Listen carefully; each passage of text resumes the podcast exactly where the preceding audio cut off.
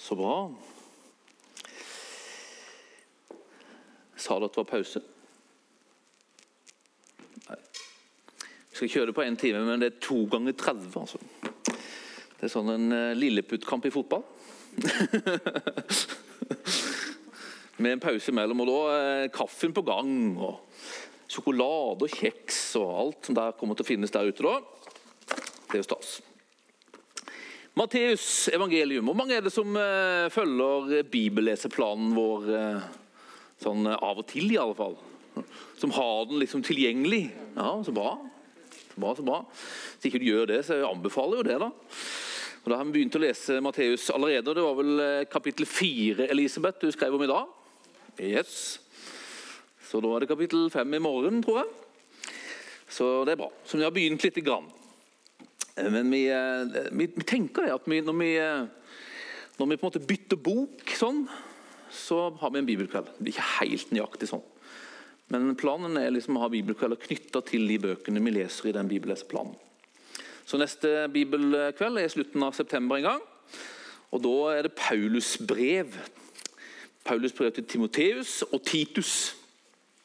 Det er det som er neste på liksom leseplanen. Men i dag er det Matteus. Og uh, Matteus uh, Matteusevangeliet er skrevet av Matteus. Tradisjonelt, i hvert fall, sier man det. Det er egentlig anonymt.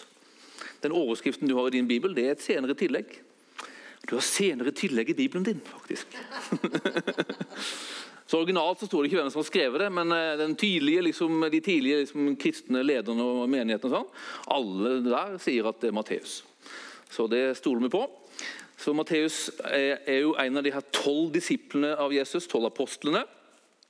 Og han har skrevet det her evangeliet til, det, til en gjeng jøder som har blitt kristne. Han skriver antageligvis på 60-tallet. Jesus han står jo opp igjen sånn sirkus år 30. 33, noe sånt. Og så skrives Matteusevangeliet ca. år 60. Um, vet dere Det kommer opp sånn der unregistered altså det, Vi har ikke en ulovlig versjon av Proper Center. Men det er en oppdatering som er gjort, så det må registreres, og det kan ikke. det forsvinner snart igjen. Vet du hvilket evangelium som er skrevet først? Markus, ja. Helt rett, Frode. Markusevangeliet er skrevet først. Og Det tror man er skrevet sånn på slutten av 50-tallet. Sånn. Og så Lukas og Matteus omtrent samtidig.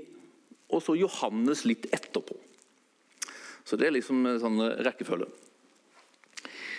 Eh, Matteus tenker man, så skriver her evangeliet til jøder som har blitt kristne. Hvordan kan man vite det? da? Jo, altså Man ser ganske mange tegn til det i, i Matteusevangeliet. Eh, I i Matteusevangeliet er det masse sitater fra Det gamle testamentet. Ca. 60 ganger så siteres Det gamle testamentet i Matteusevangeliet. Og det er jo fordi at uh, For en jøde så var det meget relevant liksom at det her, var, det her var han Messias som var lovt i Det gamle testamentet. Så det er Matteus kjempeopptatt av. Og så bruker Jesus ofte å bli kalt for Davids sønn. Ca. ti ganger tror jeg han blir kalt for Davids sønn. Og Det gjør han ikke i de andre evangeliene. Davids sønn det var jo liksom knytta som forventning til at Messias skulle komme fra David. Jeg vet ikke om dere husker det liksom fra, fra når Profeten Nathan kom jo til David og ga han liksom et sånt løfte. Gud han skal, han skal bygge et hus for du, en, en kongetron, en konge som skal vare for evig. Din sønn skal sitte på tronen for evig, sier han 2. Samuels bok 7. hvis du vil slå opp det. Så Jødene venta seg at Messias skulle komme fra Davids ett. Han skulle være en Davids sønn. Og Derfor er Matteus opptatt av at Jesus han var fra den ætten, og kaller han for Davids sønn. Og så skal vi komme til det at Matteusevangeliet er bygd opp rundt fem store taler. Fem ganske sånn lange, konsentrerte taler i Matteusevangeliet. Og Det bruker man tenke seg en slags parallell til de fem Mosebøkene. Det var på en måte det mest grunnleggende og viktige for en jøde. Det var loven. De fem Mosebøkene. Så alt dette er et slags tegn på at Matteus er opptatt måte av å skrive og nå jøder. Altså, nå jøder. Det er ganske interessant det der at, at man allerede liksom i liksom den første kirka, når man skulle skrive, liksom, så skrev man veldig målretta. Altså man, man, skrev for å nå en målgruppe, og skrev ting som de kunne kjenne igjen og relatere til. Altså. Og Det er egentlig det vårt oppdrag som menighet har vært i alle århundrer. Det er jo hvordan kan vi formidle budskapet om Jesus, Messias, til vår verden, til vår tid, til vårt sammenheng. Samme oppgaven av meg. Altså. Så vi må forkynne og formidle Jesus på en måte som, som mennesker på en måte kan, de kan catche ting og kjenne igjen ting og relatere til ting. Samtidig så må det være budskap om Jesus. Det må være evangelium. Det kan ikke være, det kan ikke være det kan ikke være et evangelium jeg bruker å si, det kan ikke være et evangelium uten denne spissen. Altså, Vi bruker jo å si at eh, Jesus gjør oss til menneskefiskere. Det er menneskefisking som er vårt oppdrag. Jeg vet ikke om du har satt deg inn i fisking noen gang? Fisking er jo eh, en ganske møysommelig sport. Det er ikke tilfeldig, Roald? er det det? I Rikslandsjerne er det helt tilfeldig. Der kan man nesten kaste ut en tøffel og få fisk. altså, de biter på alt. Men i mer, mer vanskeligere farvann er det veldig viktig det her. Liksom, hvordan ser sluken ut? Hvor tung er den? Hvilke farger har den? Alt sånt her, liksom, så at fisken skal måtte liksom, hmm, dras til den. Men hvis ikke det er en krok så hjelper det ikke om sluken er perfekt. ikke vel? Får ikke fiska noe fisk, da. Og Sånn er på en måte menneskefisking. altså. Man må nå mennesker på en sånn måte at mennesker på en måte blir interessert. på en måte. Men det må finnes en krok der. Altså. Evangelium må det være kjernefull. At Jesus han har dødd for våre synder. Altså. Hvert menneske i behov av frelse, for hvert menneske har synda.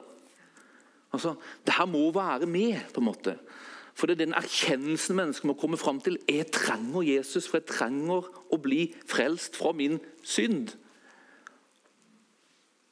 Så jeg må gi mitt liv.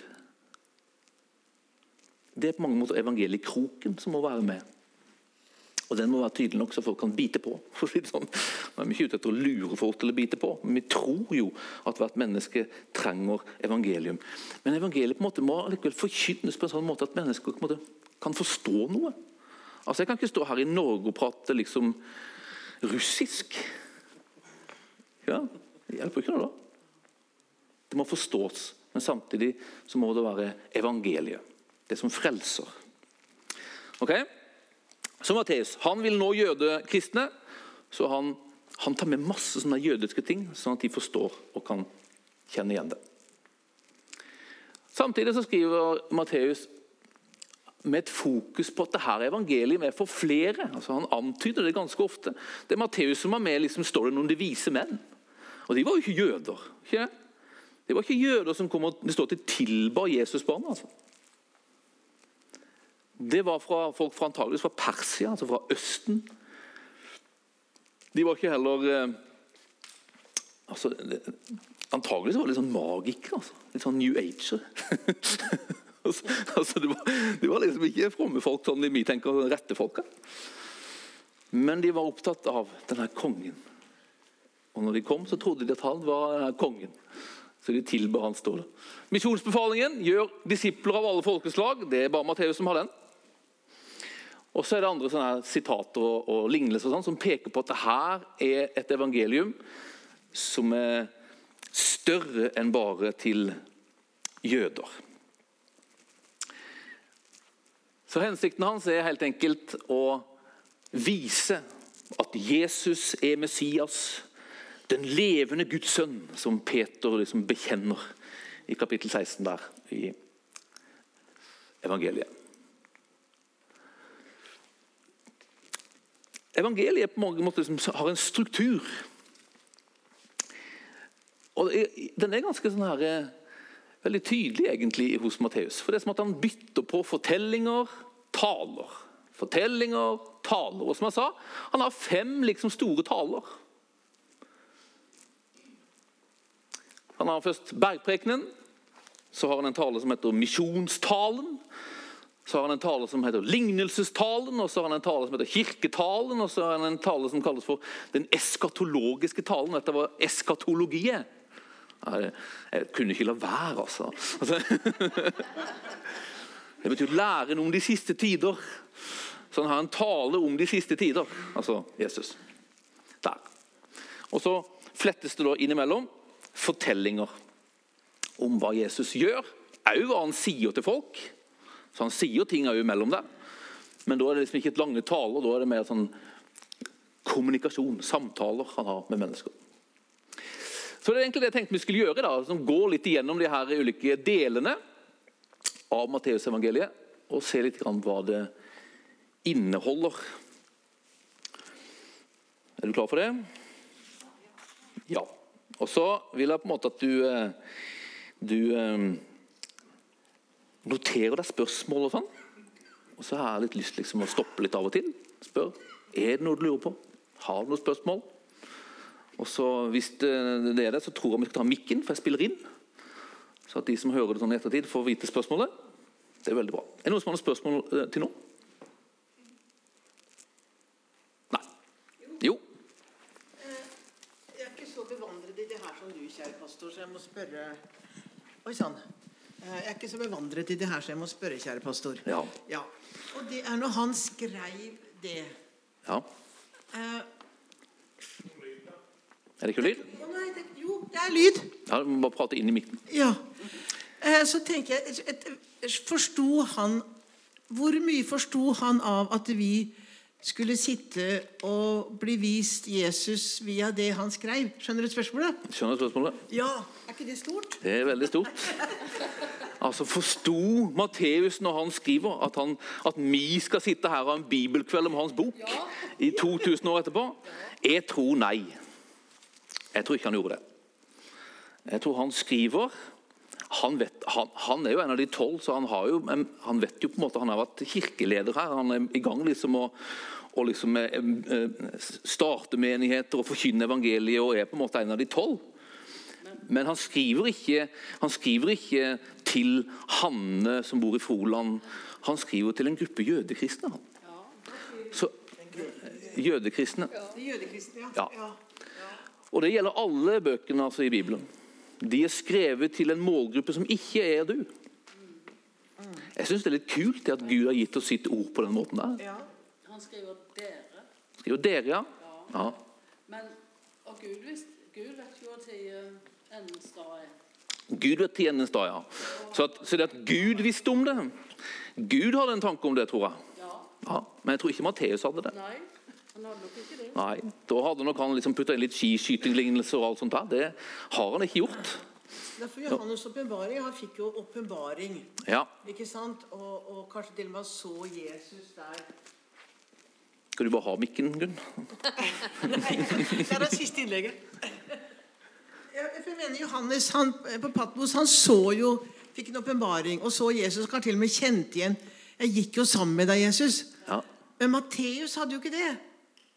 Det er derfor jeg prøver å få et konsept på å forstå Matteus når han skriver Men så ble de bøkene funnet en gang etterpå. Matteus skriver, han skriver jo øyenvitneskildringer. Matteus. Han skriver det han har vært med på. Ikke i et syn, men i real life. Altså. Så det gjør det. Evangeliene er øyenvitnebeskrivelser av Jesus.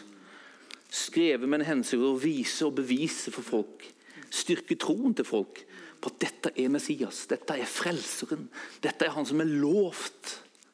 Han er det. Det her gjorde han, det her sa han. Det er det her vi skal sette tro til, det er det her vi skal følge. altså. Så, så antageligvis hadde det her liksom gått der, det hadde vært forkynnelsen. liksom. Og så begynner de her å bli gamle. ikke vel? Tenker nå, Hvordan skal vi bevare det her liksom, til neste generasjon? Vi må jo skrive det opp. Altså. Og det var det de gjorde. Mm. Så er det. Så boka begynner fra begynnelsen. altså. Matteusevangeliet begynner litt kjedelig, med en lang liksom, harang av en slektstavle. Men så kommer jo, så kommer jo ganske fort liksom, eh, Så våkner, eh, så våkner liksom det romantiske i oss og begynner med juleevangeliet. À la Matteus. Jesu fødsel. Og jeg vet ikke om du har lagt merke til det, men Når du leser juleevangeliet hos Matteus, så får du det fra Josefs perspektiv. Og det er jo interessant. Hos Lukas, som jo er på en måte den mest vanlige varianten, det er Marias liksom, opplevelse. Ja. Så Matteus han, er- han tenkte på oss mannfolk. Flott. Ja.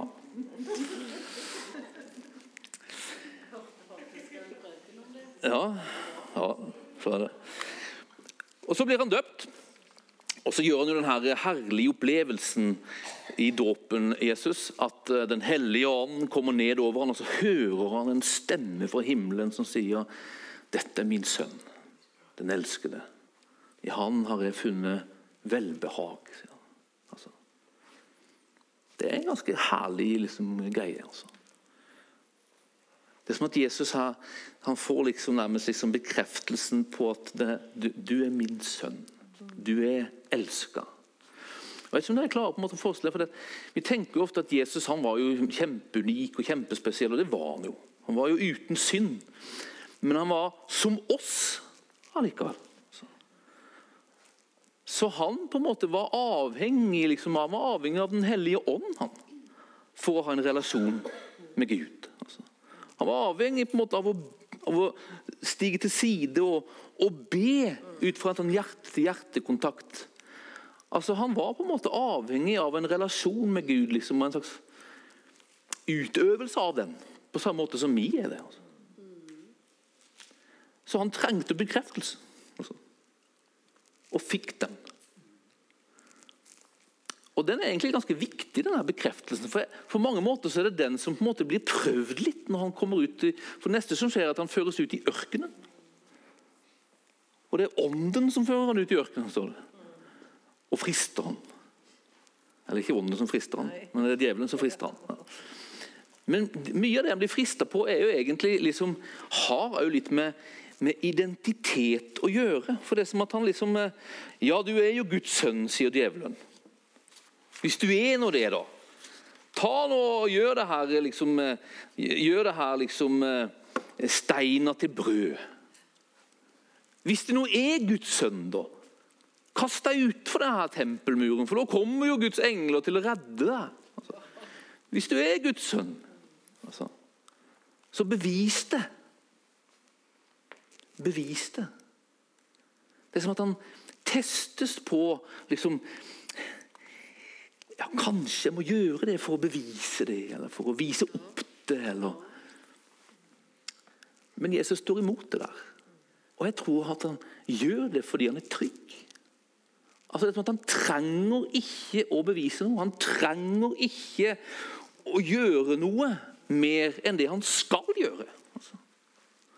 Og jeg tenker, Der har du noe å lære. Altså, altså, altså, det, altså det, det, det Ja, jeg tror jo på en måte at det er Jeg tror jo at det er elska. Men det hadde vært veldig greit å få en bekreftelse her. Liksom, sånn ekstra bekreftelse. Liksom. Og, og, så gjør man liksom noe for å få en bekreftelse, ut fra at man er litt sånn utrygg. Men Jesus virker ikke å ha noe særlig behov for det. Altså. altså Han var trygg i seg sjøl. Og det tror jeg er noe av det som testes. liksom. For det her var jo på en måte der mennesket falt. Mennesket falt jo for fristelsen å være noe mer. liksom. Altså Om ikke mennesket var nok. Var skapt til Guds bilde til å huske tilbake til Edens hage. Liksom. Var skapt til Guds bilde. Var fullkomment og god, og så kommer liksom fristeren og så sier han, men hvis du gjør det, så blir du som Gud. Altså, Du blir noe mer. Det er ikke nok, liksom.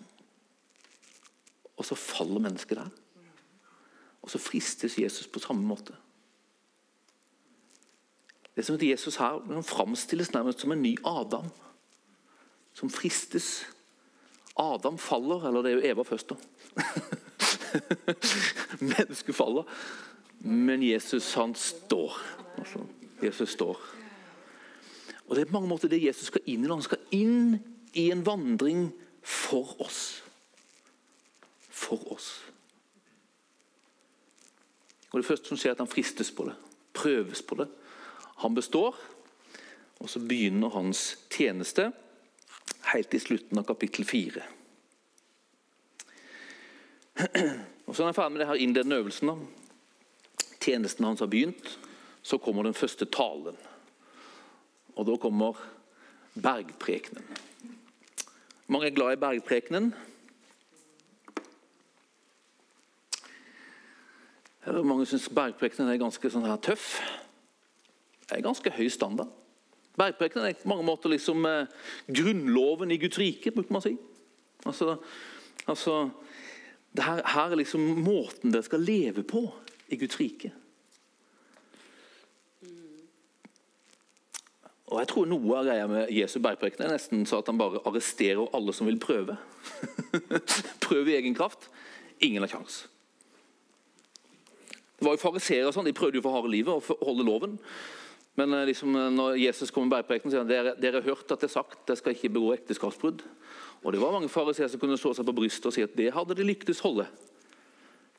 Men jeg sier dere, sier Jesus, hvis du i hjertet ditt har begjært en kvinne, da har du begått ekteskapsbrudd. Og plutselig så er alle arrestert. Liksom.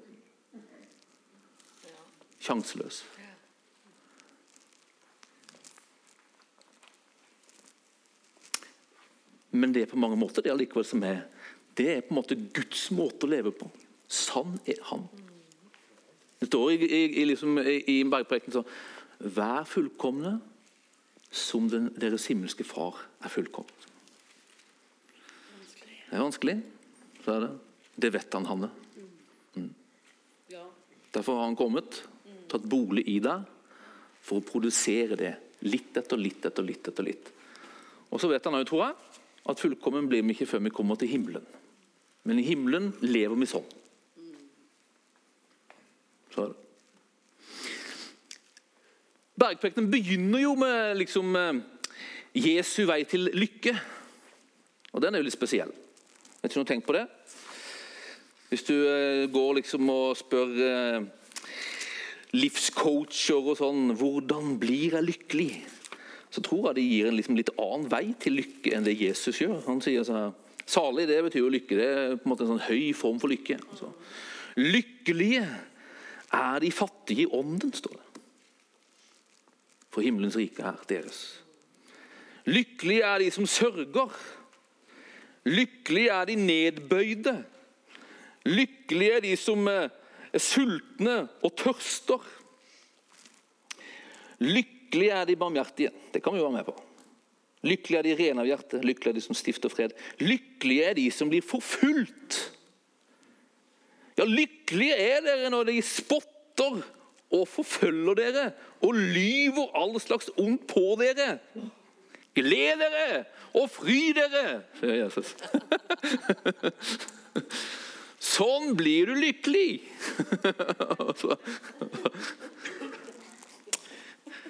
Det er jo litt spesielt, det der også. Jeg husker eh, Gunnar, pastor Gunnar Berling. Han Av og til så kunne man sitte og spise lunsj med han. Så bare kikker han på deg og spør, sånn Vidar, sånn, er du lykkelig? Og Da ville han ha et svar. Han ville ha et ja. Fordi objektivt sett, sa han, så er du i en salig tilstand. Du tilhører Jesus. Han. Du er lykkelig. Men jeg tror egentlig ikke det er det Jesus mener at det er en sånn objektiv form for lykke han prater om. prater om. Helt enkelt om en vei til et tilfredsstillende liv. Altså. Et liv der man mettes. Altså. Og jeg tror denne veien her, det er den veien. Veien til et tilfredsstillende liv. Og Hva er det som på en måte liksom er greia her, da? I De fattige åndelige, de sørger. De skal trøstes. Ja, hva er det som er liksom greia med akkurat det der? Det er på mange måter en slags, en slags innsikt om at jeg har det ikke sjøl. En slags erkjennelse av at jeg er i behov.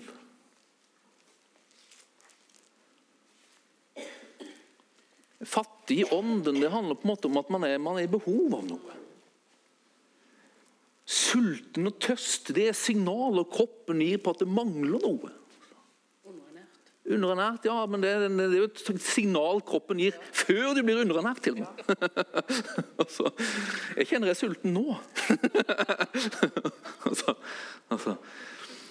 Og det tror jeg på en måte er en sånn nøkkel til lykke. Altså nøkkel til salighet. For salighet, når Bibelen prater om salighet, så prater det om noe som er planta i Gud. Altså. Salme 1 så står det en som grunner på Guds ord. Han er som planta i en sånn vannrik kilde. Salig er han, står det. Altså. altså Det er livet som metter. Det er virkelig livet, den virkelige saligheten. Det er det som vi får fra Gud. Det er livet her. Jesus sier så her Jeg har mat som dere ikke kjenner, sier han til disiplene sine. Min mat, min tilfredsstillelse, det å gjøre Hans vilje som har sendt meg. Altså Det her salige livet det finner vi utenfor oss sjøl. Man finner det hos Han. Altså. Og Da må vi på en måte se bort fra våre navler. Vi må skape, vi må ha en sånn erkjennelse at jeg trenger du, Gud. Altså. Jeg trenger du, Gud. Er avhengig av du. Og da, når vi da på den måten lager rom og plass for han, da kommer han. Da kommer han. Det kommer litt tilbake til det når vi kommer ut, eh, litt senere ut. ja. Men det her er på en måte, det her er veien til et salig liv, sier Jesus. også. Salige er de som mangler noe. For da kan de mettes. Salige de som har masse tomrom. For da kan de fylles. Hvis man erkjenner det, og så anerkjenner man at det her som jeg mangler, det har han. Da kan man bli salig. Så er det. Bergprekenen. Man kan jo si at Bergprekenen handler om å, om å, flytte fokus fra det ytre til det indre. Fariseerne. Jesus han eh, elsker å kjegle med fariseere. Altså. Og De var opptatt av det ytre. Jesus flytter fokus til hjertet. Har et hjertefokus istedenfor. Etter bergprekenen så kommer det en uh, runde med fortellinger. Og man kan si sånn, De her fortellingene her, de har på en måte Veldig mange av de har fokus på bare å liksom pepre løs at Jesus han er, han er kongen som har kommet. Altså, han er kongen, han har kongemakt. Han er jo en David. Altså. Han er Messias. Kongen har kommet. Og han, han er konge, og han har makt over en masse områder. Altså, han har mer makt enn David. Altså, han har liksom ikke først og fremst et geografisk makt, men han har makt over ting som betrykker, fanger, begrenser mennesker, som holder mennesker virkelig fanget. Han har makt over sykdom. Han har makt over det ureine. Han helbreder spedalske. Han har makt i sine ord. Han slenger inn en fortelling der, der liksom denne romerske offiseren kommer. og sier bare et ord, sier han til Jesus så blir min tjener frisk. Og Så sier Jesus et ord, og så blir tjeneren frisk. Hans ord har makt. Han stiller stormen. altså Han har makt over naturen, over kaoskrefter i naturen. Han befrir besatte, han har makt over onde ånder. Ja, han tilgir til og med synd.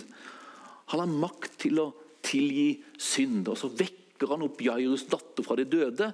Han har makt over døden. altså. Jesus har makt. Ja, han har all makt. Er ikke en sang som heter det? Ja, ja, ja. Nesten så jeg begynner å synge. og Det er temaet der, i de fortellingene der. altså. Jesus har makt. Så kommer neste tale, og det er den de kaller for misjonstalen. Men Det begynner egentlig med at han velger ut de tolv, og så sender han de ut på oppdrag. Og Det er nesten neste steg liksom, i hans disippelskole. Den første talen var til disiplene 'Sånn skal du oppføre deg'. Bergprekenen. Og så er utsendelsestalen, det er liksom misjonstalen, det er det her skal du gjøre. Det her skal du preke, og sånn skal du på en måte eh, Det her skal du gjøre når du er på en måte på, på oppdrag for meg og for mitt rike. Så han eh, i, i, eh, i kapittel 10 så ser vi denne talen. Den innledes liksom allerede i slutten av kapittel 9. og Det er noen veldig herlige vers, syns jeg. altså. Jeg liker denne starten, denne opptakten til denne talen.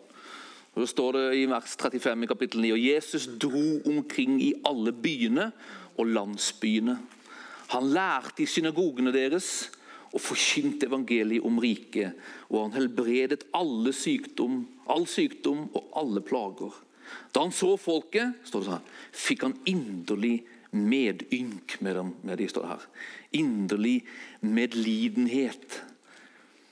For de var herjet og forkomne som får uten hyrde. Og Her var liksom Jesu drivkraft. altså. Det her er talt om her igjen. altså. Inderlig medfølelse. Splang snitsomai heter det på gresk. Det er et fint ord. det, det er så artig ord, for det betyr det er, sånn, det av en tarm så det er som at tarmen vrir seg og vrenger seg. Det er tarmslyng. En tarmslyng, ja. Man tenkte seg nemlig at de dypeste følelsene de lå nede her i, i mageregionen. Liksom. Så Derfor så bruker de det ordet som altså, dyp, dyp, dyp medfølelse, altså, som Jesus har. Altså. Ja, Den talen er verd å høre, faktisk. kan ikke komme inn på det nå. Det er rett før, kjenner jeg. Så denne dype medfølelsen driver han, og så sier han til disiplene altså, altså Drevet av denne medfølelsen så sier han høsten er stor, men arbeiderne få. Be derfor høstens herre at han vil drive arbeidere ut til sin høst. Og så, i kapittel 10, da, som det går over i dag, så utvelger han de tolv, og så sender han de ut. Og Så sender han de ut, og så byr han dem, står det. Eller påla dem, står det i 2011-oversettelsen. Ta ikke veien til hedningene, og dra ikke inn i samaritanernes byer. Det var rart. Skal ikke det til hedningene? Nei, Den tiden der var det ikke til hedningen. Jesu oppdrag det var til jøder. Så gjør han det ganske klart etter hvert at det her skal videre ut, men akkurat der og da så skal ikke disiplene hans heller til hedningene. Det begynner hos jødene. Gå heller til de bortkomne sauene i Israels hus. står det. Gå og forkynn. Himmelriket er kommet nær. Det er forkynnelsens innhold. Forkynn at himmelriket er kommet nær. Helbred syke, vekk opp døde, gjør spedalske rene og driv ut onde ånder. Det er på en måte demonstrasjonen av evangeliet. Gi som gave det dere fikk som gave. Skaff dere ikke gull eller sølv eller kobbermynter til å ha i beltet, ikke væske til reisen, heller ikke to skjorter eller sandaler eller stav. For en arbeider er verd sin føde. Altså stol på Gud for forsørgning. Når dere kommer til en by eller landsby, så finn ut hvem i den som er verdig til å ta imot dere, og bli der til dere skal dra videre. Når dere kommer inn i huset, skal dere hilse det med fred. Og er huset det verdig, skal freden komme over det. Men dersom huset ikke er det verdig, skal freden vende tilbake til dere selv. Er det noen som ikke vil ta imot dere og heller ikke vil høre budskapet deres, skal dere dra bort fra det huset eller den byen og riste støvet av føttene, står det der. Så søk fred. Søk fredens mennesker. Altså, Hvis det er noen som ikke vil høre, så bare ja. Gå videre. Vær trygg nok til det. altså, altså, altså, vær trygg nok til det. Og søk fredens mennesker. De som du merker tar imot deg. De som du merker Her fins det, en, her liksom en, en vilje til å høre. Invester der. Bli der. Bli der. Bli der. Og gå nær. Er medvandring i jorden. Gå nær. Der du møter et fredens menneske. Har du sett noe om det å riste støvet av føttene dine? Riste støv av føttene, det tror jeg handler rett og slett om å bare legge bak seg det som har vært.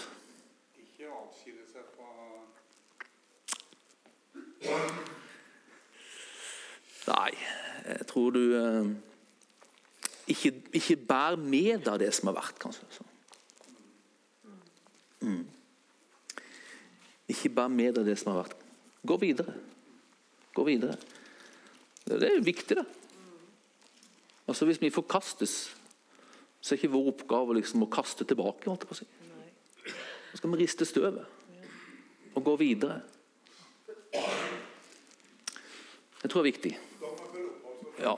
jeg mente ikke, å, ha, å gjøre noe mot dem, men å Nei. avskille seg fra dem. Ja, Jeg mener å ha lest i studiebibelen eller et eller annet at eh, jødene gjorde det. ja, De brøt kontakt med dem for at ikke noe av deres skulle bli hengende ved dem. ja.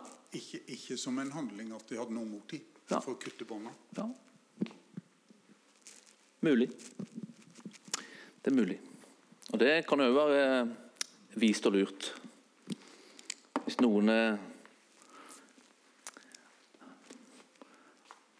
hatiske mot du, så ikke blir du hatisk. Tenker det har noe med det der å gjøre. Altså.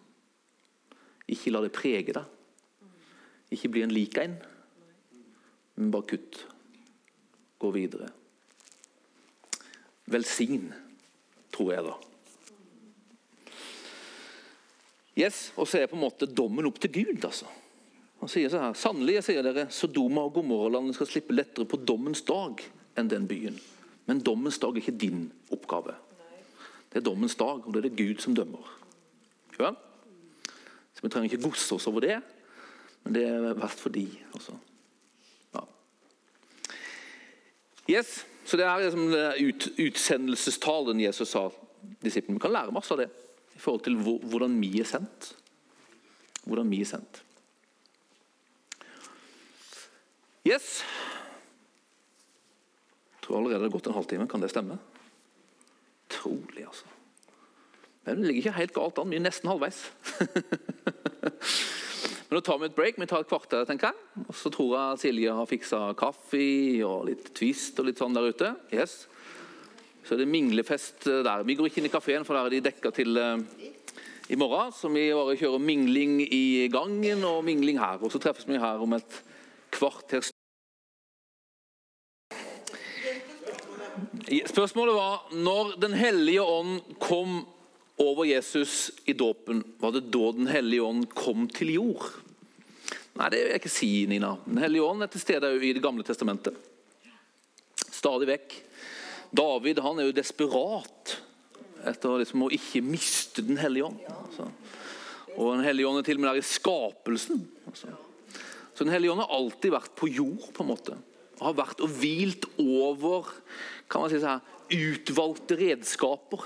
Som kongene og, og prestene. De ble på en måte salva som tegn på at Den hellige ånd liksom hviler over dem. Han, han sa jo det når han reiste òg, at han etterlatt seg det. Mm. Og de profeterte jo. Det står jo at ånden kom over Saul, så han profeterte. Altså. Så dette, det, Den hellige ånd var virksom i Det gamle testamentet. Men Den hellige ånd bodde ikke i mennesket.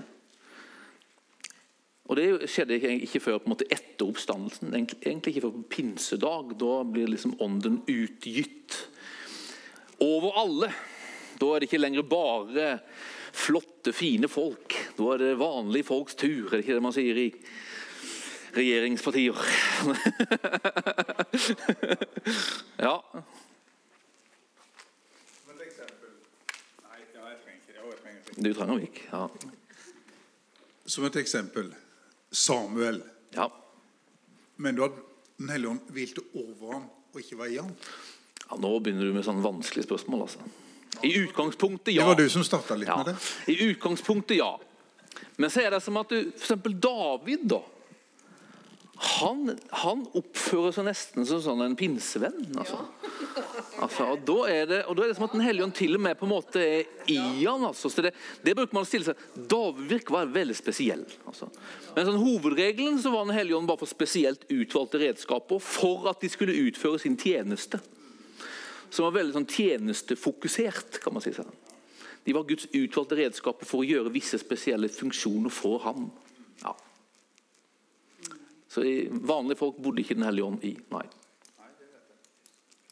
Så. Sånn.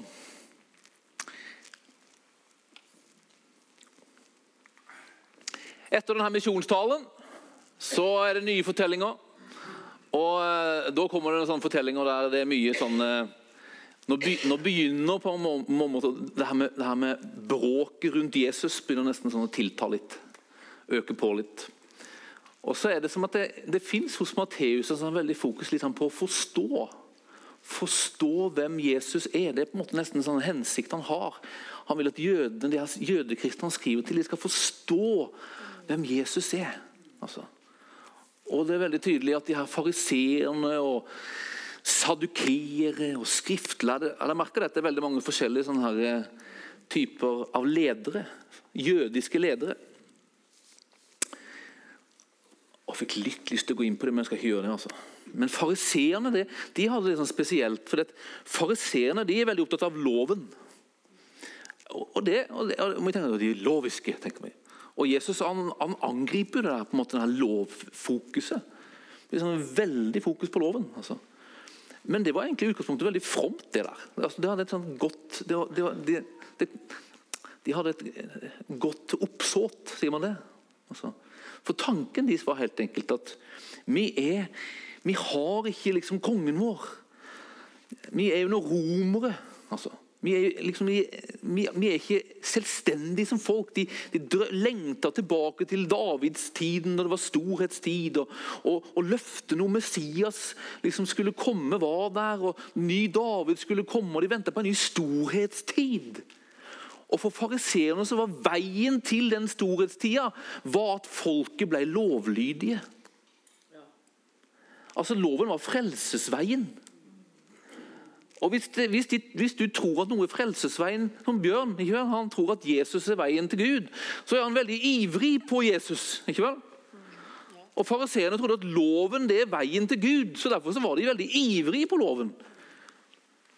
Men i virkeligheten så var ikke loven en frelsesvei, det var mer en byrde. Og Derfor er Jesus ganske krass mot de her. Han vil at de skal forstå at de er på ville veier. Men utgangspunktet for fariseerne de var jo nitiske for loven, for de trodde det var en frelsesvei. Altså. Så Derfor så hadde de problemer når Jesus ikke holdt sabbaten. og sånt, for da, når noen ikke holder sabbaten, da, da truer man helt enkelt Guds liksom frelsesplan. Gud vil at vi skal holde loven, for nå kommer han. Da kommer Messias. Så det er det som driver de egentlig. altså. Men Jesus sier at de forstår ikke. De forstår ikke. Og Det gikk jo så langt liksom, at de til og med trodde at Jesus han var drevet og holdt på drevet av Belsebull. Altså. altså, det står der i kapittel 12. Jeg vet ikke om jeg har skrevet det her. Nei. Kapittel 12, vers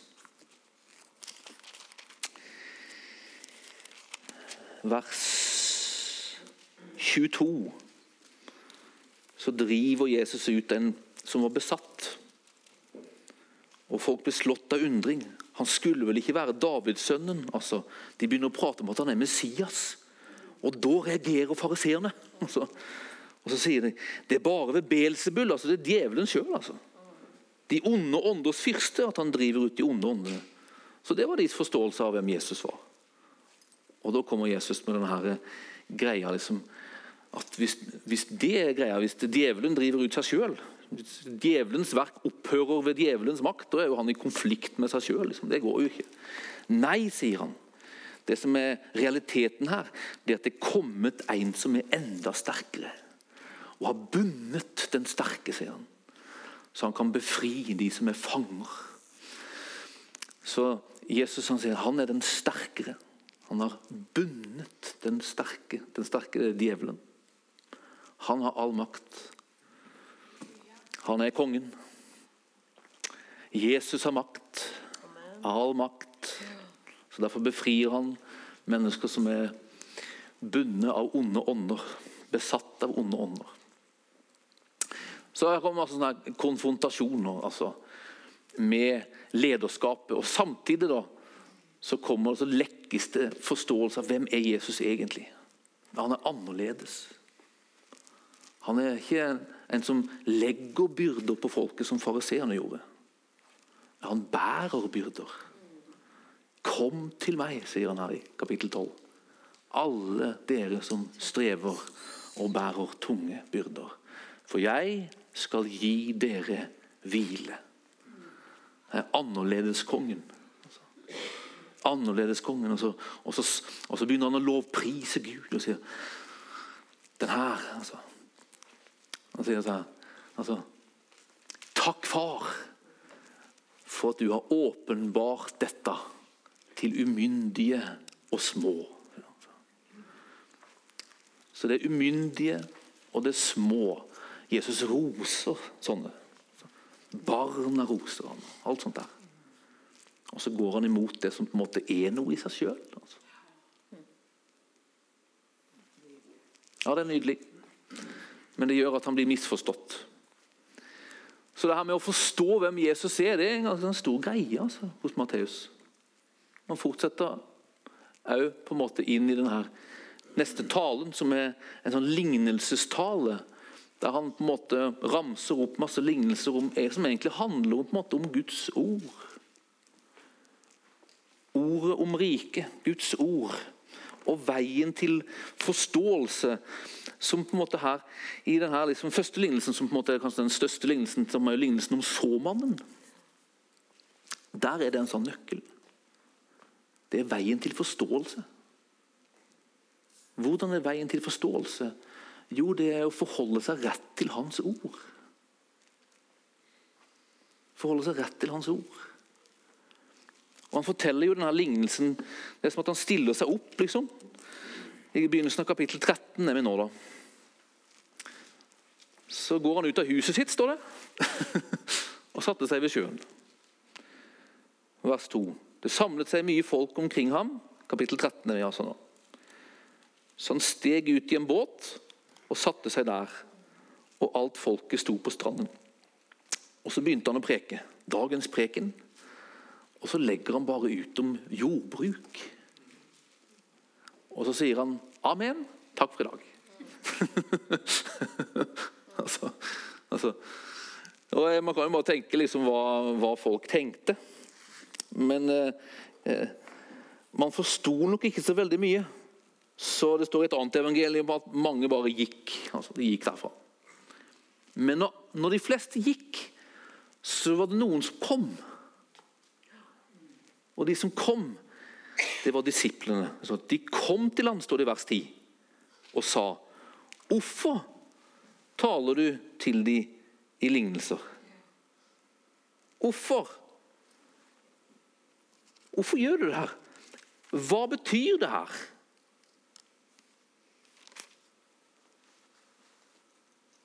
Og så sier han i vers 11.: Fordi dere er det gitt å få kjenne himmelens rikes mysterier, men dem er det ikke gitt. Altså man kan si sånn, De som kommer, de som ikke gir seg, de som trenger på å dra seg nær,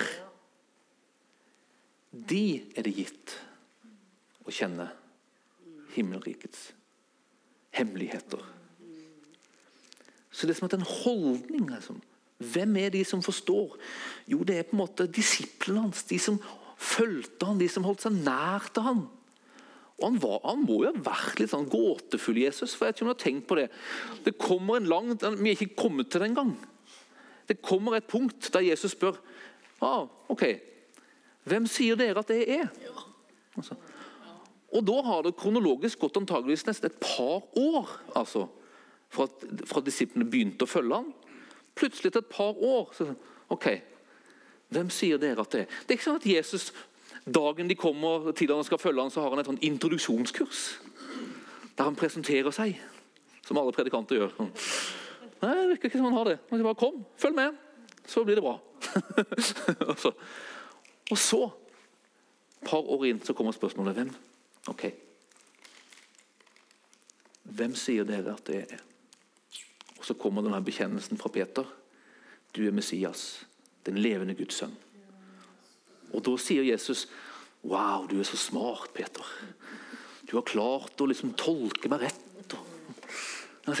Det her, det her er det Gud i himmelen som har åpenbart for deg, Peter. Mens du gikk nær. Mens du trengte deg på. Mens du Selv om du ikke forsto det, så ga du ikke opp. Du holdt deg nær. Du hørte hva jeg sa. Du gjorde hva jeg sa.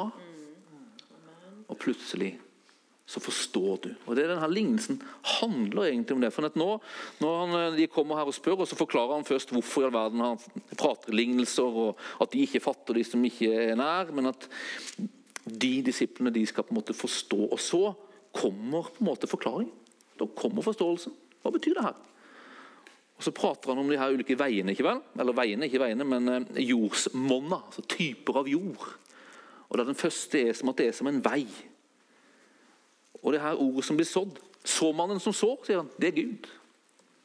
Og vi prater om det i stad. Gud han sår sitt ord overalt. altså. Overalt. Men hos noen, sier denne lignelsen, så er det som at det fins det, det, det er som en vei. Og det lander liksom på en måte så vidt, og så blir det bare stjålet. Og, og sånn kan det være. altså. Jeg vet ikke om du har opplevd det når du leser Bibelen. At du sovner. For eksempel. og, så, og, så, du får ingenting ut av det. Altså, det er som at det blir stjålet. Altså. Eller hvor mange når du leser bibelleseplanen Takk for at det er noen som har fått noe ut av det her, så de skriver et innlegg som jeg kan kanskje forstå. For det jeg leser, fatter jeg ingenting av. Altså. Jeg bare gir opp. Altså. Det er som en motløshet. altså. Nei, jeg bare Jeg har det aldri sånn, men eh, nei da. altså, jeg har det sånn, altså. altså. altså. Tankene bare er borte. Og sånn, så er det som at OK. Og Sånn kan man ha, sånn, for, sånn forhold kan man ha til Bibelen. Altså. Bare frustrerende. Og Da kommer liksom djevelen bare med sånn motløshet, og så bare vil han én ting, og det er å få deg til å gi opp. Bare gå derfra. Søk deg hos en life coach istedenfor, eller altså, altså. Men det som han sa Nei, ikke gi opp. Altså. Ikke gi opp. Det går an å gjøre noe med veijord. Altså. Ikke gi opp. Og så neste. Det er steingrunn. Og Da er det på en måte som at det, det er som en fyr som liksom får og hører Guds ord, og så blir han wow, fantastisk. liksom. Wow, på det møtet vet du, og på eh, HV, på himmel og hav. Det var fantastisk. og Man flyr hjem der og flyr gjennom sommerferien helt til man skal begynne på jobb igjen. Og så, og så, kommer, man, så, man, så kommer man til en ufrelste kompis. 'Jeg var på det møtet i ferien.' Og så, og så, og så bare møter man en vegg. Du er en idiot. sier han. Og så bare plø. Møte litt motstand. Og så var det kanskje ikke så bra likevel. Så var det kanskje ikke så mye likevel. Og så bare gir man slipp på det. Nei. Ikke gi slipp. Stå. Stå. Og Problemet med steingrunnen var at røttene ikke var så dype. Fundamentet var liksom ikke liksom dypt nok, godt nok, solid nok. Så når stormen kom, så, så, liksom, så ble det bare skylt over ende alt du hadde tatt imot. Og Det finnes jo en annen lignelse som Jesus prater om at fundamentet må være solid så at det tåler storm. og Hvordan er det man bygger et sånt fundament? Jo, det er at man ikke bare hører ordet, men man gjør ordet. Så jeg tenker sånn der, hvordan, liksom, hvordan gjør man noe med steingrunn, som er sånn grunn jord, som ikke tåler så mye motstand? Jeg begynner å handle på ordet. Da er det som at du fundamenterer det. Du bare bårer det dypere ned. Begynn å gjøre altså, Ikke gi opp og les, ikke gi opp og spør, ikke gi opp og søk hjelp. Bli med i bibellesergruppa i Froda misjonskirke. Spør. Ikke gi opp. Og så begynn å gjøre det ordet sier. Begynn å gjøre det.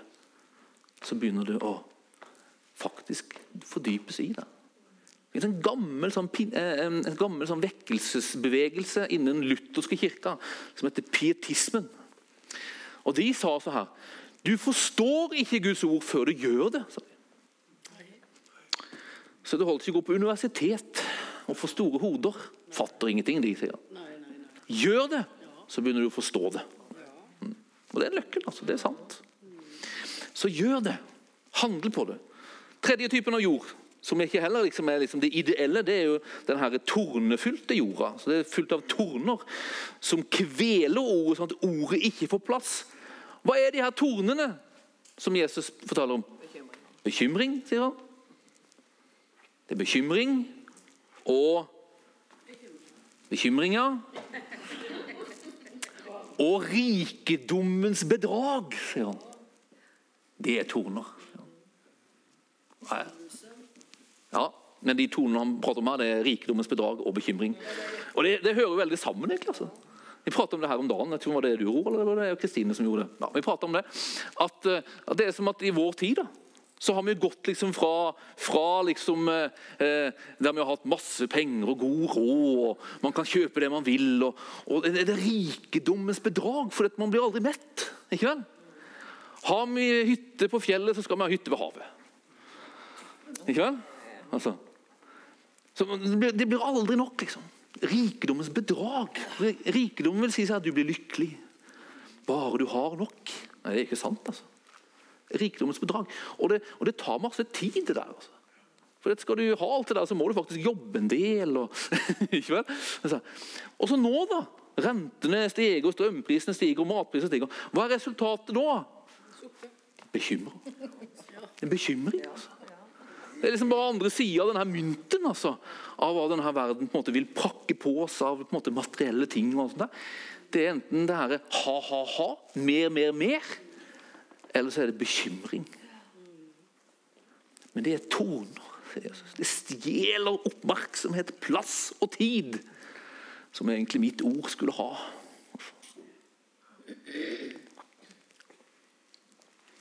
Og så kommer den gode jorda. da. Hva er den gode jorda? Og Der sier egentlig de ulike evangeliene litt forskjellige ting. og jeg synes det er litt interessant, for her Hos Matteus står det 'den som hører og forstår'. står det. Markus han sier at 'den som hører og tar imot ordet, har god jord'. Lukas han sier 'den som hører og tar vare på ordet i et godt og vakkert hjerte', sier han, har god jord.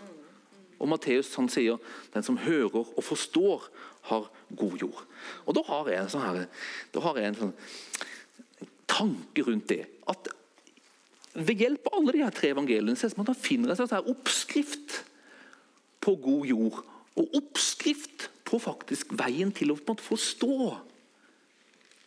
Forstå himmelrikets hemmeligheter, forstå hvem Jesus er.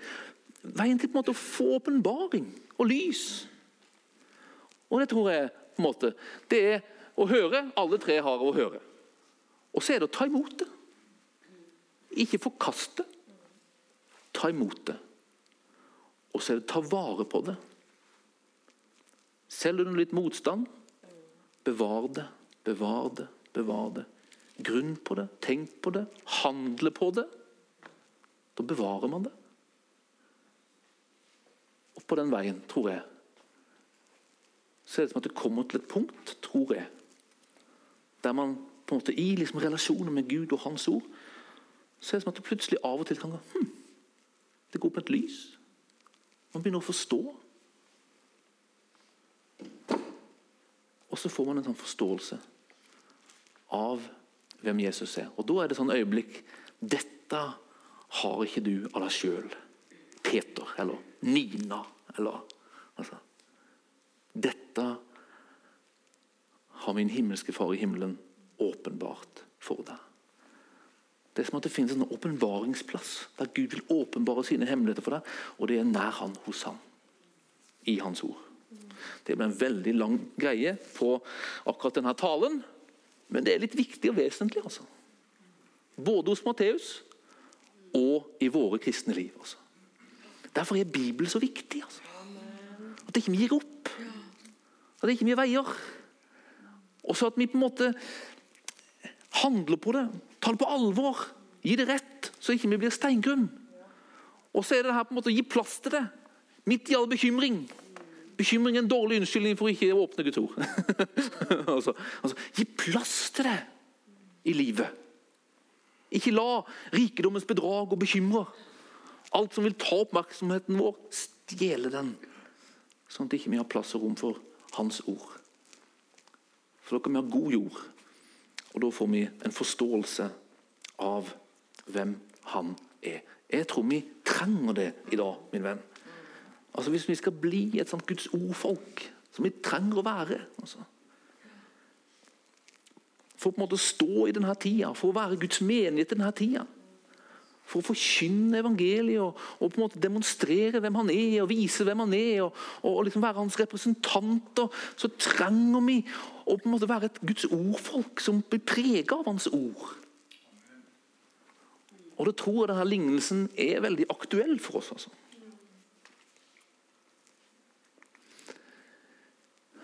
Så fortsetter fortellinga. Og Da er det på en måte, da fortsetter det her litt det her temaet om forståelse. Hvem er Jesus? Og Da kommer vi fram til det her punktet i kapittel altså, Man ser sånne antydninger. da. Der I kapittel 14 så går Jesus på vannet, og da bryter disiplene ut at du er i sannhet Guds sønn. Så det er sånn en innsikt de har fått. liksom. Og så er det den kanoneiske kvinna som egentlig på en måte var utenfor området til Jesus.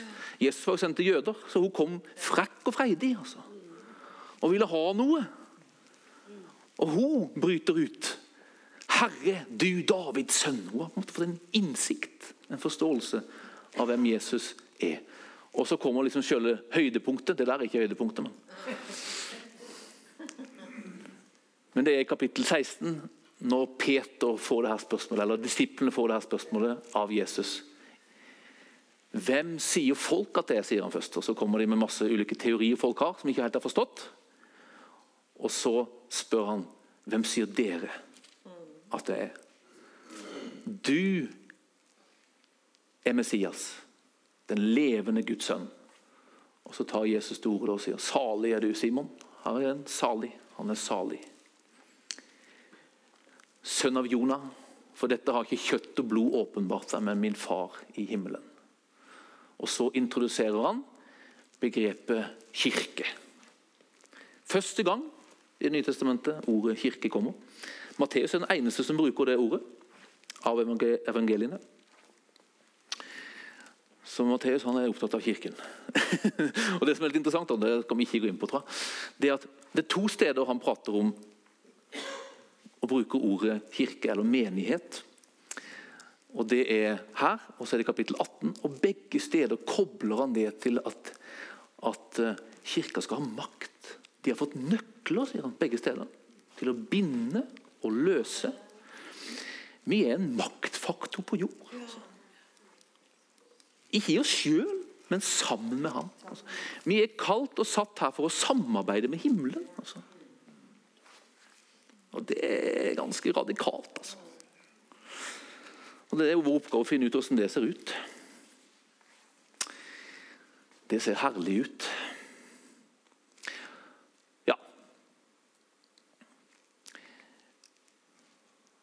Så kommer neste tale. Nå skal vi gå forbi litt, sånn, litt i stillhet. Ikke så mye stillhet, men litt. Og Det kalles kirketalen, og det handler mer om hvordan forholder vi oss på en måte forhold til hverandre. egentlig. Igjen løfter han det her å være som et barn. Det er veien inn i Guds rike. Og så prates det om tilgivelse, viktigheten av tilgivelse. Òg hva man gjør med brødre og søstre som, som synder. Der på en måte hjertet og motivet bak det er på en måte gjenopprettelse. Gjenopprettelse.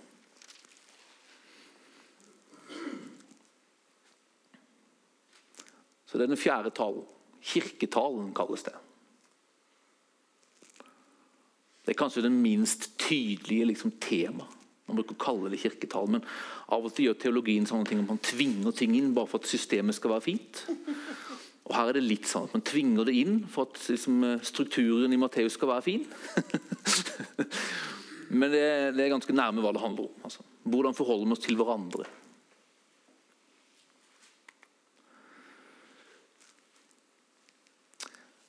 Og Så begynner Jesus å nærme seg liksom, slutten av sitt liv og tjeneste. Begynner å nærme seg påskeuka, begynner å nærme seg kan man si så her, crescendo i hele hans liv og tjeneste når han skal lide og dø for vår skyld. Så han begynner å vandre mot Jerusalem. Man bruker egentlig å si seg at det fins et sånt vendepunkt. Når Peter bekjenner at Jesus er Messias, den levende Guds sønn, da er det som at Jesus begynner nærmest å fokusere på Golgata, på Jerusalem. Da begynner han å antyde og prate med disiplene om at han skal lide og dø, men stå opp igjen på tredje dag. Han begynner på en måte å, å, å fortelle om det på forhånd, og så begynner vandringen mot Jerusalem. Og Nå nærmer han seg her. og Da, da peker han på, egentlig på en sånn annerledes livsstil. Og Han gjør det ved å prate om ekteskap. At ekteskap, på en måte, han, han forholder seg til ekteskap på en annen måte enn det man gjorde som jødisk leder. var man veldig liberal ofte når det gjelder ekteskapet. Det var lett å skille seg. Jesus han, han på en måte tar det tilbake til sånn som det var tenkt fra begynnelsen. Altså. At det her skulle være noe som ikke var skillbart. Altså. Og så prater han om barna, at barna har en plass i Guds rike. Nesten en hedersplass i Guds rike. Og barna var jo ingenting altså, i den jødiske liksom, sammenhengen. Det var, de, var, de var virkelig liksom ingenting før de ble voksne. Så De hadde på en måte ikke den verdien. Og egentlig Når Jesus prater om ekteskap og skilsmisse, så er det nesten sånn løfter kvinnenes verdi i bare i det. For kvinnene var helt forsvarsløse. En jødisk mann kunne bare kaste henne på dør. Altså, nærmest hvis du hadde svidd maten, så var det grunn nok. Altså. Så Jesus han er kvinnebeskytter. Løfter barna. Og så begynner han å prate om det her. Den siste skal bli den første. Den minste skal være den største. Og så når det et høydepunkt i kapittel 21, når Jesus rir inn i Jerusalem på et esel. Ikke som krigerkongen som jødene hadde håpa på. De håpte jo på en, en hærfører som skulle bare komme og drive romerne ut. I stedet kommer han ridende på et esel. Et esel var det en konge rei på i fredstid. Det var fredsdyret. Så her kommer fredskongen. Så annerledeskongen kommer. I ydmykhet og i fred. Og så begynner den her runda der før de her dagene når han lider og dør. Den siste uka, de, de dagene første uka, altså mandag, tirsdag, onsdag i påskeuka, det er liksom ikke så fredfulle dager. Da provoserer Jesus kraftig.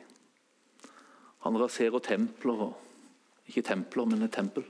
Tempelet. Og så begynner han å konfrontere ordentlig de jødiske lederne og begynner å prate, ofte og gjerne i ligningsform, om at det kommer en dom over det jødiske lederskapet. Og at evangeliet Han sier det så tydelig at det skal tas fra dem og gis til noen andre. Nå forstår vi fra Paulus annet at det er for en tid. Det kommer en tid for det jødiske folk. Men Jesus er veldig radikal. altså. Han prater om det der. Det kommer en dom over det jødiske folk. Over Jerusalem, over tempelet.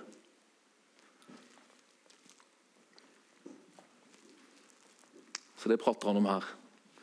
Og så, midt inni der, før liksom han stiger inn i sjøle liksom lidelsen og døden, så, så holder han den siste talen. Og Da taler han om de siste tider. Begynner med et kraftig vedrop over de skriftlærde og fariseerne. Og så begynner han å prate om de siste tider. Først på en måte så begynner han å prate om dom over Jerusalem. I slutten av kapittel eh, 23, vers 37 det er jo en del ting som er Matteus, eh, Tittelen Matteusevangeliet det er senere tillegg. Kapittelinndelingen i deres bibler det er jo senere tillegg, eller påfunn. Så originalteksten er liksom én tekst. Og det er ikke alltid på en måte de her skillene er helt sånn eh, vanntette. Og Her tror jeg på en måte ting begynner i slutten av kapittel 23, og så fortsetter det inn i kapittel 24. Jerusalem, Jerusalem, du som slår i hjel profetene og steiner dem som er sendt til deg. Hvor ofte jeg ville samle dine barn, som en høne samler kyllingene sine under vingene. Men dere ville ikke, står det. Se, huset deres skal bli liggende øde, og er huset deres det er tempelet. Så her, og her begynner liksom Jesus å, å, å inn i kapittel 24 så begynner han å prate og, og, og I vers 2 der De forlater tempelet.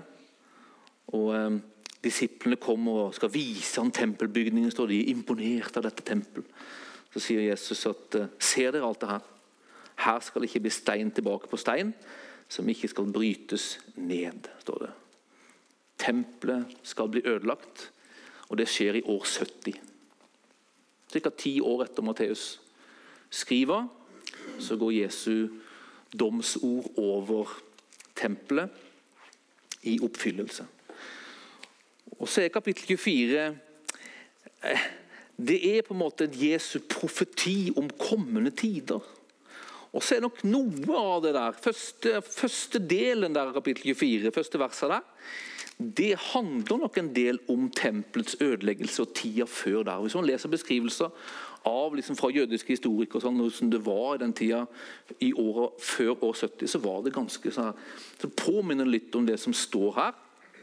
Men så fortsetter det på mange måter. Det, kapittel 24 er en slags en sånn her profeti med forskjellige bunner. altså. Noe handler om år 70, men så pekes det jo videre like fram til den siste tid og Jesu andre komme. Så det her er Matteus liksom eh, Eller Jesus tale i Matteus om de siste tider. De siste tider. Og Det er jo på mange måter ord som vi har med oss når vi holdt jeg på å si, formulerer og, og skaper våre lærer om den siste tid. og Hvordan skal det bli, og hvordan skal det se ut? Og, og det er Sannheten jeg tror jeg, at det fins på en måte i liksom Når du leser hele Bibelen sammen om de siste tider, så kan man lande på litt ulike steder. Man kan gjøre det på Skriftens grunn. Altså. Han lever i dag og skal komme igjen. Det tror jeg vi må være enige om. Det er jo noen som mener at Jesus kom tilbake år 70. Da tenker jeg at da er man, da er man på tynn bibelsk grunn. Men hvis man tror at Jesus kommer tilbake, så kan man få lov til å tenke ulikt om hvordan rekkefølgen på ting skal se ut. Hvor lang tid ting skal ta. Det er lov. Det finnes rom for det i Bibelen. Altså. Og derfor så ser du på en måte, Hvis du ser i kirkelandskapet, så finnes det ganske mange ulike varianter. Og nyanser og tanker rundt akkurat hvordan ting skal se ut. Jeg tror Det viktigste budskapet rundt de siste tider i Nytestamentet er vær klar. Vær klar, Jesus kommer når du ikke aner. Altså. Og Det er ikke et truende budskap i Nytestamentet, det er et håpets budskap. i Nytestamentet. Løft blikket. Løft blikket. At Jesus kommer ikke altså Det står jo av og til at han kommer som en tyv om natten. Men det er bare for å poengtere at han kommer liksom anytime. liksom. Det handler ikke om at han kommer for å være en tyv. Nå kommer jeg for å stjele deg, for å gjøre noe stygt med deg. Altså, han kommer for å frelse deg. Forløse deg fra alt som holder deg fanga og begrensa. Alt som plager deg her i dette livet, altså i denne verden som er din ondes vold. Han kommer for å ta oss liksom, ut av den ondes vold. Og så kommer han for å dømme all ondskap, synd og elendighet og urettferdighet. Han kommer for å gjenopprette alt som har gått i stykker siden syndefallet. Altså Han kommer for å gjenopprette skapelsen. Det siste som skjer på mange måter liksom, i, i, Det nye testamentet, det er at allting blir nytt. En ny himmel og en ny jord, der ingen ondskap bor. Det er endemålet vårt. altså. Det er liksom det vi har i vente. Og det er på mange måter hensikten når Jesus kommer tilbake igjen, så er det en gledens dag. altså. For oss som tilhører Han. For oss som tilhører Han. Det er Det nye testamentets liksom, budskapet om Jesu gjenkomst, om de siste tider. Og så har vi dessverre av og til gjort det til noe voldsomt skummelt. Jeg husker liksom, perioden før jeg ble frelst. Liksom, det var, altså, det var, det var husker, På 90-tallet husker jeg det var en stund, det var en komet som var på himmelen. husker jeg. Og da husker jeg, Den kometen der Jesus ser der, han er der, han ser gjennom kometen. Nei, det var noen som sa det. Jeg vet ikke hvor de hadde fått det fra. Men jeg husker det. altså. altså vi ble jo livredde. vet du. Nå kommer han en komet der. Så, kanskje det var den menneskesønnens tegn. altså, altså, det har vært så mange ting ja. Som har gjort at det budskapet liksom har blitt liksom noe som vi helst ikke vil ta i og høre på og ikke preke. Og, eller noe som er. Men det- det er jo på en måte helt feil. Altså, det ble på en måte litt sånn too much. Det ble veldig spekulativt. Det ble skrevet bøker om 88 grunner til at Jesus kom tilbake i 1988. Så kom han ikke, så da kom oppfølgeren 89 grunner til at ja, ja. Men vi må ikke havne i, i andre diker som gjør at vi ikke vil høre om det. Vi slutter å vente. Vi bare håper at aldri han kommer. Liksom. For dette er noe skummelt. Men Vi ser det her, altså. Når du leser Paulus brev, han, han venter jo han på Jesu gjenkomst. Altså. Han kan komme når som helst, virker det som. Og Den forventningen den tror jeg på en måte vi skal ha. altså. Og jeg tror at Budskapet om Jesu andre komme det er liksom såpass utydelig så at det skal, det skal liksom finnes denne forventningen i Guds folk gjennom historien. Jesus kommer. Men det skal være en forventning som er knytta til en glede og et håp om en forløsningens dag. Altså. For det er det det er. Da fullbyrdes hans frelse. Da fullbyrdes hans frelse. Så hvis du sier at det er herlig å være frelst i dag, så er det bare, liksom en, liten, det bare en liten skygge eller en forsmak på hvor herlig det skal være å være frelst da. altså, altså. Da skal vi smake herligheten, da skal vi se Han som Han er. Og så skal vi bli nye skapninger.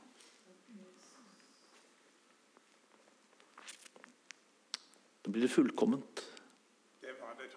Ja, det er det, altså. Da blir det som et lite barn sa i min første klasse i Sverige. Jeg hadde kristendom i første klasse i Sverige.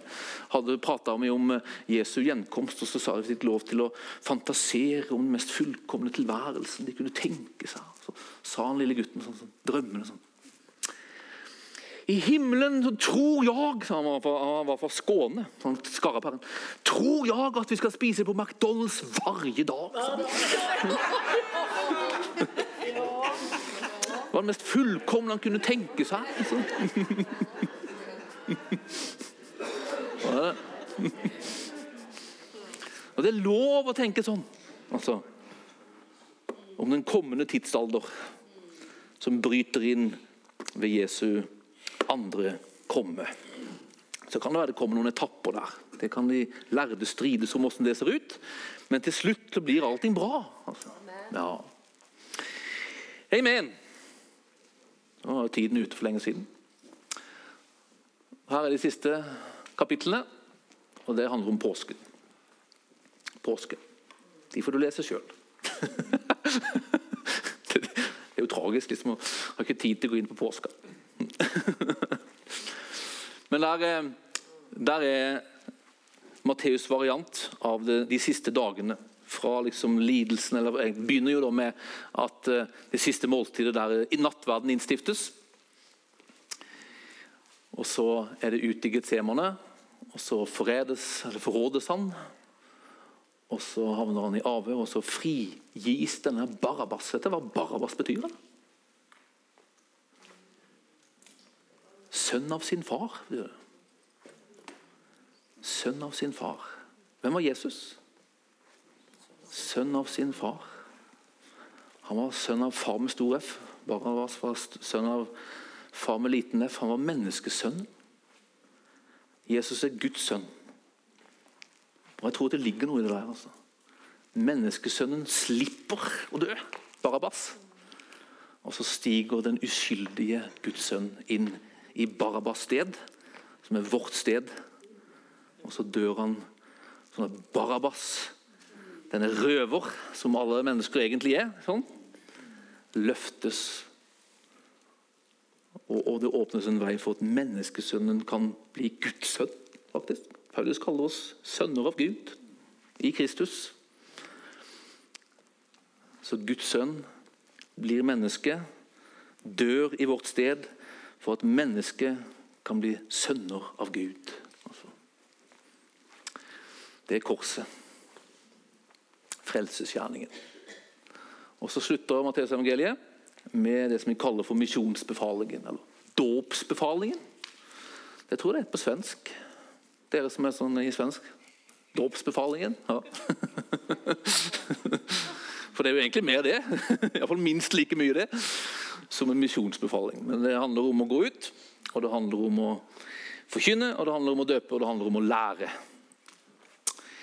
Og så slutter boken. Amen. Takk for i kveld. Jeg har jo glemt å stille dere